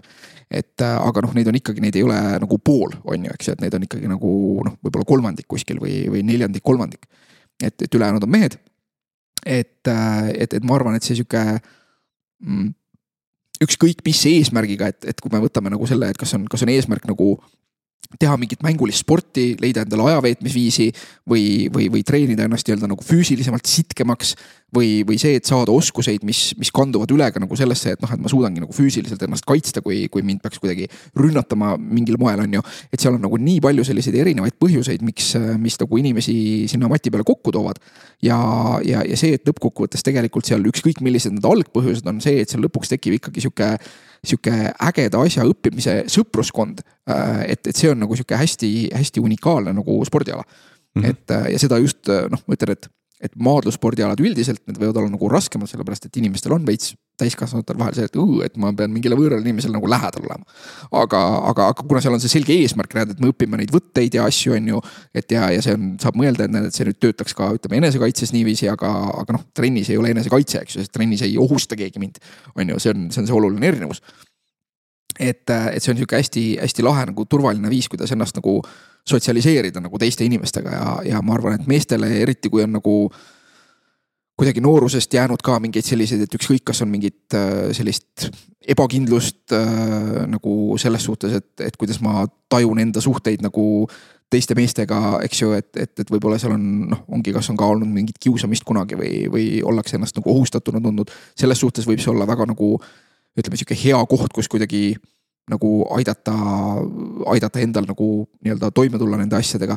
Ja, ja, ja üldises mõttes ka, et, et täpselt, et see on sihuke spordialane, et noh, täiskasvanutel ei ole väga palju neid sport, et võib tunduda, et neid võimalusi ja spordialasid on hästi palju, eks ju, ja, ja noh, jõusaali on palju ja nii edasi, aga, aga kui mõelda ikkagi selle peale, et mis on mingisugused alad, mida justkui saab teha nagu teistega ühiselt, on ju, et seal on mingisugune grupp, on ju, õpetatakse, räägitakse. Äh, samas nad on ka piisavalt füüsiliselt väljakutsuvad, eks ju, siis tegelikult tuleb välja, et oi, et aga neid võimalusi nüüd nagu nii palju ei olegi. et noh, loomulikult on nagu mingisugused rühmatreeningud nagu jõusaali kontekstis, aga palju seal inimesed ikkagi omavahel nagu suhtlevad ja, ja koos nii-öelda tehnilises mõttes õpivad noh, ronimine võiks olla, et see on ka sihuke nagu pisike noh, nagu selline väiksem, väiksem nagu spordiala. aga, aga see ongi, et noh, nagu tegelikult ju täiskasvanutele sellist, et ei ole sellist jalgpallitrenni, et ma lähen nüüd üksinda täiskasvanuna on ju ja saan nüüd mängida jalgpalli on ju või saan mängida korvpalli. et, et seda on väga vähe ja, ja, ja, ja tegelikult just selle tõttu nagu see sihuke võitlusspordialade aspekt ja, ja ma arvan, et siin kellelegi, kes noh, ma ei ütleks, et siin nüüd nagu nii-öelda psühholoogilises mõttes üks spordi, võitlusspordiala oleks nüüd väga palju parem kui, kui mõni teine. aga, aga miks nagu Brasiilia jujitsu on hästi äge, on just seetõttu, et, et, et ta on nagu suhteliselt ohutu võrreldes teiste võitlusspordialadega, et. et sellised kõrge kaarega heitmisalad nagu maadlus või judo on ju, et kui ei ole lapsest peale harjutanud, eks ju, siis on nagu, see on nagu riskantsem. ja, ja noh, mis puudutab nagu löögispordialasid Äh, noh, ma ise olen ju ka teinud ja, ja, ja nagu selles mõttes ma saan sellest võlust nagu väga hästi aru. Äh, ja, ja seal saab väga hästi nagu heas klubis nagu ja neid häid klubisid ei ole mitte ainult minu oma sugugi, vaid on veel. et, et seda võetakse nagu mänguliselt, eks ju, aga, aga noh, nagu alas, kus nii-öelda punktivääriline tegu on ühtlasi seotud nagu teisele inimesele peapiirkonda löömisega, eks ju, see kätkeb ka nagu mingeid teatud riske. et, et selles suhtes nagu see nii-öelda äh, Äh, noh, praegusel ajal nimetatakse seda jujitsuks eelkõige kokku, et mis on nagu see nii-öelda maasvõitlus või, või kus õpitakse siis vastast kontrollima ja, ja, ja alistama valuvõttega, aga et kui sa selle valuvõtte või kägistusvõtte teed, on ju, siis ta annab kohe alla, on ju, ja, ja, ja see viib selle riski nagu madalale. Et see on nagu hästi hea nagu koht, kus, kus alustada nagu enda võitlusspordi teekonda mm. -hmm no sa tegid juba perfektse sissejuhatuse justkui ära võimla teemadele ja, ja tegid ka hea reklaami justkui jujitsule millest ka eelmis, eelmistes episoodides Triin Laisk rääkis, sest tema käib ka seal. aga, ja, ja võttes kokku selle meeste tervise osa veel, et noh, et tõesti, et näiteks spordiklubi, olgu see siis võitlussport või, või, või ka sarnased koosviibimiskohad, et need ju tegelikult teevad linnukese nii-öelda kõik kõikidele nendes kolmes, kolme kasti, mis sa enne kirjeldasid. et füüsiline Äh, vaimne ja siis ka sotsiaalne, sotsiaalne tervis ja, ja siis veel täpselt, et seal selle füüsilise poole pealt tuleb ka seda, et seal on nagu see, et seal on mänguline komponent, seal on jõukomponent ja seal on aeroobne komponent, et. Et, et see on sihuke hea optimiseerimiskoht mm, -hmm. et, et teha pigem, pigem otsida nagu mingi selline ala, eriti kui aega on vähe. jah, et no vot, novembrikuu soovitus, minge spordiklubisse, vaadake, kas teie jaoks on ka kõik need kolm asja seal olemas. ja ma Aa. väga julgustan proovima just nimelt, et see, see, see on sihuke, et noh, mis võimalused teie kodulinnas on, on ju, et kas, kas on võimalusi. Ja, ja kui ei ole võimalusi, siis võib ju nagu ise hakata, noh, siis on muidugi, see on muidugi raskem, aga et. võtta paar sõpra ja hakata, hakata ise mingit ala enda, enda linnas vedama, aga võib proovida seda ka nii nagu sina tegid nii nagu, nii nagu meie tegime, et, et, et võimla teemas oligi, et alguse sai see kaks tuhat kaks, kui mina ja üks mu koolivend Indrek Reiland, kes kes praegu juba pikka aega elab Eestist väljas. et me tahtsime teha mingit sihukest ägedat asja ja, ja varasemalt oli meil võitluskunsti kogemus. aga siis äh, meid tollel ajal nagu sihukeste noorte ebakindlate meestena, et meid ikka huvitas nagu see enesekaitse just nagu, et milline nagu see päris võitlus on, et, et sealt see sai nagu alguse mm. -hmm. aga millega siis praegu võimlas äh, justkui tegeleda saab? mm. -hmm. meil on, äh, meil on nagu justkui kaks suunda, et meil on sportliku vabavõitluse suund ehk siis MMA. Ja need kaks suunda on põhimõtteliselt olemas siis alates kahe tuhande neljandast aastast, kui, kui me, kui me alustasime ja siis on, siis on Brasiilia jujitsu või maasvõitluse osa. ja, ja, ja siinkohal me saame öelda, et noh, nii-öelda ametlikult või juriidiliselt oleme kõige vanem klubi Eestis, mis emma-kumma alaga tegeleb et, et mingid treeninggrupid olid Tallinnas, Pärnus enne seda ka, kui, kui meie Tartusse jõudsime, siin alustasime, aga, aga me tegime päris esimese eraldi klubi selle jaoks ja. Ja, ja nüüd, nüüd me siis oleme siin kakskümmend aastat hiljem. et, et siiamaani sportlik vabavõitlus on, eks ju, noh, tänapäeval ei pea seda enam inimestele nagu tutvustama, ma arvan, et enamik on kursis sellega, et mis asi see MMA on. aga mis on võib-olla unikaalne meie juures, on see, et meie hakkame ka MM-ad äh, õpetama nagu komponendi kaupa, et, äh, et meil jätkuvalt on äh, jätkuvalt on selline nagu suhtumine, et me katsume inimestele anda nagu kõigepealt baasteadmised emmas-kummas alas, et kas siis maasvõitluses, mis on nagu see jujitsu pool ja, ja on nagu jujitsu baaskursus. või on siis püstivõitluse baaskursus, kus siis õpitakse just nagu turvaliselt siis selliseid löögispordialade nagu põhitõdesid. ja kui kedagi siis nüüd huvitab päris MMA või selle kokkupanemine või tahaks võistelda MM-as et siis, äh, siis ta teeb läbi nagu mõlemad kursused ja käib nagu mõlemas trennis. et, äh, et meil eksisteerivad nagu justkui, justkui siuksed kaks suunda. seal on nagu omajagu sihukest äh, kattuvust selles mõttes, et, et on inimesed, kes käivadki mõlemas, keda siis nagu mõlemad suunad huvitavad. aga, aga MMA on selles suhtes nagu keerulisem spordiala, et noh, pole midagi parata, et kui keegi tahab näiteks äh, ütleme, üks asi on harrastusspordina, et siis ei ole nagu vahet, et kas sa käid trennis nagu ühe nädala, ühe korra nädalas või, või kolm korda nädalas, eks ju. et noh, ühe korra nädalas sa võib-olla tunned, et sa jääd nagu sellest grupist maha. et see on nagu raske, aga MM-as on see eriti raske, sest seal on nagu see mitu erinevat komponenti. et, et justkui noh, võib eristada nagu, et on nagu see löögidistantsil võitlus ja, ja, ja maasvõitlus ja siis nagu lähivõitlus või, või maadlus. kui äh, keegi nagu MM-as päriselt nagu areneda tahab äh, ütleme näiteks amatöörsportlasena, et ta tahab proovida võistlemist või midagi sihukest. et siis noh, pole väga paremat või noh, pole, pole varianti, peab treenima vähemalt kuskil pool aastat, ütleme sihuke neli-viis korda nädalas. sest muidu lihtsalt ei jõua, muidu ei jõua nagu kõiki neid asju nagu kokku panna, et, et muidu tekib nagu see olukord, et okei okay,, et sa oledki nagu noh, ma ei tea, oled näiteks päris hea poksija, on ju, aga. aga, aga lähedki siis võistlema selle teadmisega, et oi, et aga, et kui nüüd vastane mu pikali jookseb, et noh, et siis on.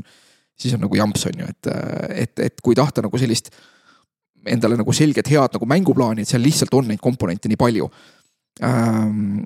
Jujitsu selles mõttes on nagu lihtsam, et seal on küll ka nagu hästi palju elemente ja asju, aga, aga kuna ta on ikkagi nagu see noh, nagu see maasvõitluse keskne on ju, et siis, äh, siis seda on nagu harrastusspordina nagu lihtsam teha, et mis iganes kaks korda nädalas, kolm korda nädalas. stardipunkt põhimõtteliselt. jah, jah, et noh, iseenesest nagu äh, me ütleme alati, et, et seal ei ole vahet, et kui, kui meie spordiklubis alustada, siis ei ole vahet, kummast baaskursusest alustada, et kui noh, loomulikult, kui huvitab jujitsu, siis tuleks alustada jujitsu baaskursusest. aga kui huvitab nagu võitlussport üldiselt või, või MMA, siis ei ole vahet, et nagu siis võib täitsa kas münti visata või, või lihtsalt mõeldagi, et kumb nagu hetkel ägedam tundub, et kas tundub ägedam see, et oskaks inimest kuidagi nagu alistada mingisuguse, mingisuguse nagu võttega, kus me paneme ta nagu teeme nii-öelda abituks ja siis, siis ta peab nagu alla andma, sellepärast et, et, et muidu ta võiks kuskilt katki minna, eks ju.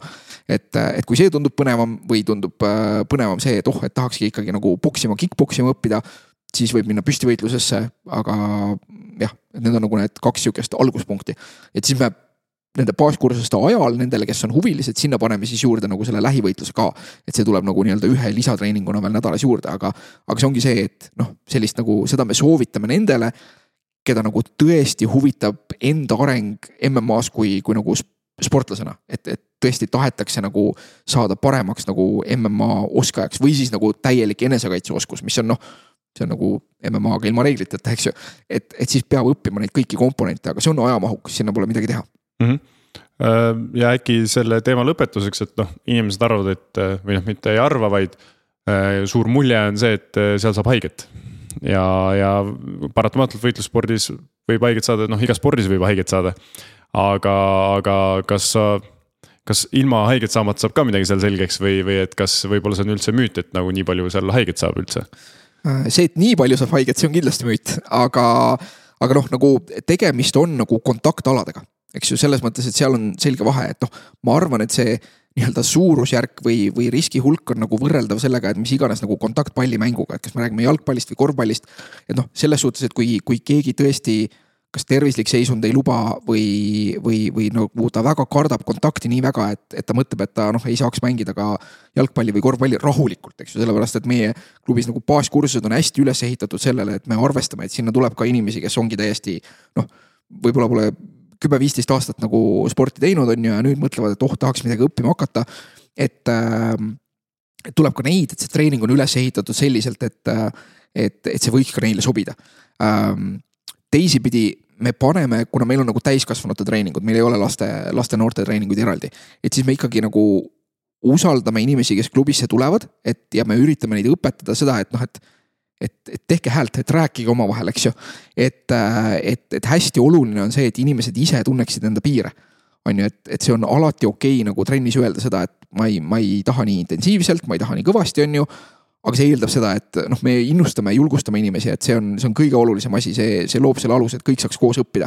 ja, ja läbi selle siis tegelikult tekibki see, et ühes grupis saab treenida keegi, kes noh, on ütleme, ma ei tea, isegi ütleme viiskümmend ja ei ole kakskümmend, kolmkümmend aastat nagu mingit sporti teinud ja, ja ta saab nagu alustada seda tehnilist õpet.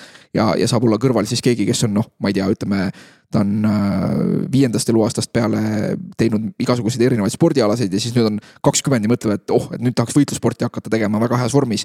et, et tuleb sinna, et tegelikult need kaks inimest saavad koos treenida, nii et mõlemad arenevad. aga, aga see eeldab seda, et nad omavahel natuke suhtlevad. et, ähm, et jah, selles suhtes Ehm, natuke haiget ja ebamugav, ebamugavust ikka saab, aga noh, see on nagu igasuguse nagu kontaktspordiga vältimatu mm. -hmm. et ja noh, kasvõi seesama ronimise näide, et ronimine ei ole kontaktsport, aga seal ka nagu pole midagi teha, aeg-ajalt kukud alla, et. Ja et... võib-olla hoopis kaasa võtta see, et, et et kui kardad, et haiget teeb sulle keegi, kes on tugevama tasemega või, või et noh, et ma satun sellisesse olukorda, kus ma kohe, mina ei oska, aga teised oskavad, siis tegelikult sellist muret justkui ei teki. seda absoluutselt ei ole, et, et ainus koht nagu need kõige riskantsemad kohad on see, et, et kui äh, inim-, et kui, kui kokku satub kaks inimest äh,, kellel mõlemal on nagu põnev, eks ju, ja neil mõlemal ongi põnev ja siis nad nagu endale aru saamata nagu tõstavad seda intensiivsust ja, ja siis võib-olla lähevad üle, üle nagu üksteise võimete on ju ja siis see lihtsalt tõst, nagu tõstab riski, et juhtub mingisugune nagu äh, traumavigastus, et, et selles mõttes need ka, kui, kui, kui vaadata seda, et kuidas võivad võitlusspordialadel vigastused juhtuda, siis need ei juhtu sellest, et nagu keegi nüüd, ma ei tea, ütleme, et õpime valuvõtet, et kuidas nagu äh, küünarliigest nagu murda on ju ja siis keegi murrab küünarliigese ära. sellist asja ei juhtu, noh, ma võiks öelda, et põhimõtteliselt mitte kunagi. on ju, et, et see on nagu noh, võistlustel tekib see olukord, et, et mõni võib-olla ei taha alla anda, on ju, ja ta mõtleb, et see, see kaotus on valusam kui, kui see murtud küünarliiges. et aga see on nendele, kes tõesti on, võtavad võistlustel selle tea, teadliku riski. et trennis vigastused ei juhtu nagu nii-öelda nendest tehnikatest, mis on nagu mõeldud vigastama. et, et kuidas juhtuvad vigastused, on see, et, et lihtsalt, et tempo tõuseb, kuidagi põrgatakse kokku, komistatakse nagu ikka, et, et need on nagu sellised nii-öelda pigem nagu juhu, juhuõnnetused, kus võib juhtuda ja, ja, ja. õnnetus, mis võib juhtuda ka tegelikult eh, niisama igapäevases. täpselt, täpselt, aga noh, seal on see, ütleme just, et kus me, kus me näeme nagu baaskursustel seda on just see, et need on kaks baaskursuslast, kes on mõlemad nagu nii asjas sees, nad on nii entusiastlikud, neil ei ole absoluutselt, seal ei ole see, et see on õppimise olukord, nad saavad väga hästi, meil saavad inimesed väga hästi aru, et seal ei ole eesmärk teha teisele haiget. et eesmärk on nagu saada paremaks ja panna ennast proovile. aga, aga noh, siis lähebki intensiivsus üles ja siis kuidagi koperdatakse üksteisele otsa ja keegi väänab põlve välja või, või, või midagi sellist mm, -hmm. et see on nagu see, mida, mida võib juhtuda, et siis on nagu treeneri roll see, et seda gruppi jälgida ja, ja öelda inimestele, et kuulge, et tõmmake hoogu maha, et, et ei pea nii palju rapsima lihtsalt mm. -hmm väga hea, aga võib-olla siia lõppu siis aju jahutamiseks natukene äh, sinu kohta jälle äh, infot äh, koguda. et võimalikult kiiresti, aga võimalikult võib-olla lühidalt, mina küsin küsimuse, sina lihtsalt vastad, mis pähe tuleb. okei okay., teeme nii. et esimene küsimus, mis värvi on sinu jaoks tervis ja heaolu äh,? roheline. roheline, roheline etis äh,. üks filmisoovitus, ei pea olema lemmik, lihtsalt äkki mida soovitada kellelegi mm,. mul tuleb kohe hästi palju asju pähe, aga ma mõtlen, et kuidas, kuidas nagu äh,, äh, kuidas nagu sealt võtta. ma viimasel ajal ise olen filme iseenesest vaatan päris äh,, äh, päris vähe äh, soovitusena. või mõni hooajaline lemmik, noh, et me teame, et siin sügis ja talvehooajal tuleb, tuleb kindlasti filme. tuleb, äh, tuleb palju, palju asju äh, no hea küll, hea küll, et ma ei hakka mingit äh, sügavmõttelist asja või, või seda siia nagu panema. et, äh, et, et muidu, muidu tahtsin öelda, et, äh, et võiks näiteks Eternal Sunshine of Spotless Mind'i vaadata, mis on sihuke sügis melanhoolne ja selline väga, väga nagu sügavtundeline film. aga tegelikult, kui vähegi, kui vähegi nagu superkangelaste teema kellelegi korda läheb, siis, siis võiks vaadata The Boys'i ja siis, kui see on vaadatud, siis selle nagu seda nii-öelda uut alamseriaali, mis on äh, Gen V. selge, äh, kas sul on mõni reisi sihtkoha soovitus, kuhu sa soovitaks inimestel minna? minge sinna, mis, mis rõõmu toob et, äh, et mu, mu üldiselt reisi, minu enda reisikogemused on enamasti positiivsed, et sellel kevadel õnnestus mul käia nagu Kreetal sellisel klassikalisel turismireisil, oli, oli väga tore ähm,. aga, aga üldiselt jah, nagu mulle on väga meeldinud. Äh, üldiselt reisimine äkki? Noh, ma ei saa öelda, et ma mingi suur fänn oleks, vaid reisimine ise nagu eesmärk omaette oleks, aga, aga äh, talvel on alati, kui on külmal ajal võimalus minna kuskile sooja kohta, eks ju, et kui, kui, kui see on nagu võimalik äh,, siis siis see on nagu positiivne, noh, seal on see küsitavus on ju, et ressursid ja kas kõik inimesed peaks nii palju lennukiga lendama ähm,. Island oli hästi fantastiline tegelikult, kui, kuigi külm, et äh, Äh, et jah, et vaadake selle järgi, et mida te, jälle see miks küsimus on, on ju, et miks ei tohiks olla, et reisimine eesmärk omaette, vaid. vaid, äh, vaid, vaid mõelge, et mida te sellest reisist nagu saada tahate ja siis proovige vastavalt sellele minna. et inimesed on hästi-hästi erinevad selle koha pealt mm. -hmm. kas sul on mingit sellist raamatut, võib-olla ka erialast spordist või psühholoogiast, mida iga inimene raamatupoes võiks sirvida või isegi mm -hmm. lugeda? Noh, neid raamatuid jällegi on palju, aga selleks, et spordipsühholoogia teemaga äh, ma olen alati julgustanud lugema sellist raamatut nagu Confidence Gap, see on eesti keeles ka ilmunud, äh, eesti keeles on selle pealkiri vist äh, enesekindluse lõhe, ma küll proovisin öelda, et nad tõlgiks selle enesekindluse kuristikuks, aga, aga, aga ei võetud kuulda. et, et see on hea raamat, kui kellele iganes nagu ütleme, selline sooritusärevus, ükskõik kas spordi kontekstis või mujal või enesekindlus on nagu teema et siis, äh, siis võib nagu jah, et see on sihuke hea, hea alguspunkt. Äh, Confidence Gap, selle autor on Russ Harris mm. -hmm, super. Äh, kas sa oled rohkem hommiku või õhtu inimene? Ähm, olin õhtu, nüüd kui ja. lapsed, siis olen hommikuinimene. aga kas kohv või tee on sinu jaoks? kohv. kohv mm. -hmm. et armastan teed ka, aga, aga teed ei joo iga päev, aga kohvi joon mm. -hmm. naudiksid rohkem merd või metsa? Äh, minu jaoks on see, et sihuke noh, Pärnumaa selline häädemeeste männikune kallas, et nagu mõlemad koos. et, et. et kõik on võimalik ikkagi kokku pannes. muusika või vaikus? see on keeruline, minu jaoks kindlasti mitte vaikus, sest mulle meeldib ka kuulata endale palju podcast'e näiteks. et ähm, aga, aga vahel, vahel meelega ikka meeldib nagu täitsa klapid kõrvast välja võtta ja, ja, ja niisama olla, et, et mõlemad on head mm. -hmm. kas sa praegu vajaksid rohkem ühte sportlikku pühapäeva või vaimse tervise pühapäeva? Äh, minu jaoks need on kaks ühes alati, et, et trenn ikkagi ka jah, need on need teemad, millest me täna palju rääkisime ka. just, just. et, et hea meelega läheks pühapäeval trenni ka, aga noh, ja see ongi sinu koht kus äh, vaimne tervis. jah, ja, ja, ja see võtab ju pühapäevast ainult nagu noh, tund-kaks, et ülejäänud pühapäev on muudeks asjadeks. just, ja kas sul on äkki mõni järgmine tervislik samm või väljakutse, mis sa endale oled seadnud, et äh, tahaks, tahaks ära teha või, või plaanid? mul ei ole hetkel nagu eesmärgina, eesmärgina ei ole seda paigas, aga ma tahaks uuesti saada äh, sellesse rutiini, et äh, ikkagi nädalas äh, paar korda jõuda nagu jõusaali ja jätta endale see vabadus, et see, et kas ma seal nüüd äh, teen äh, parasjagu kardiot, äh, sest mulle sellise ilmaga, mulle külmaga õues üldse ei meeldi. et, et aga, et siis seal jõusaalis tehagi, et kas teha kardiot või, või teha jõudu, et see ei olegi nii tähtis, tähtis on see, et ma midagi teeks mm. -hmm ja äkki sul on üks rutiin siia lõpetuseks, mis sa võib-olla iga päev või nädal teed, mis hoiab sind värskena um,? Ma arvan, ma ise väga väärtustan, umbes natuke rohkem kui aasta tagasi äh, tegin ma otsuse, et äh, ma ei võta äh, telefoni magamistuppa. vaid kui on see, kui on hambad pestud, noh ideaalis ma panen selle telefoni ära juba veel varem, aga, aga et hiljemalt sellel hetkel siis enne, kui ma lähen magamistuppa, siis ma panen enda klapid ja telefoni, kui ma olen neid parasjagu kasutanud, et ma panen kapi peale ära.